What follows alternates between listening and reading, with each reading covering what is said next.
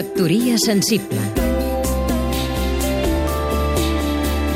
Sergio Vilasanjuan, periodista cultural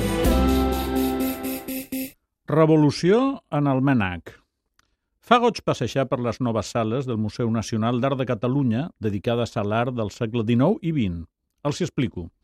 En els últims anys hi ha hagut una espècie de revolució als principals museus del món – la va iniciar la Tate Modern de Londres i són diversos els que han anat seguint el seu exemple.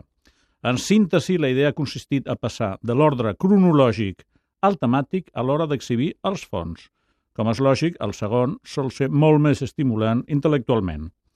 En el cas del Manac, això implica que les sales ja no ofereixen bàsicament una successió de noms, de Fortuny a Casas i d'Urgell a Sunyer.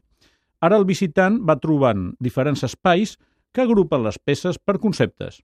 El taller de l'artista, els retrats, la bohèmia, el nu, els exotismes, la relació entre pintura i fotografia, el modernisme, el mediterraneisme, cinema i publicitat, la guerra civil espanyola. S'aprofiten peces que estaven guardades al magatzem i es dona un nou sentit a les obres més conegudes.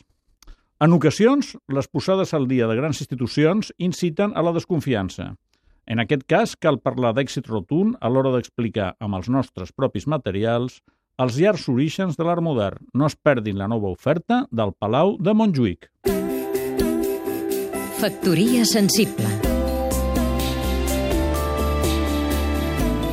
Seguim-nos també a catradio.cat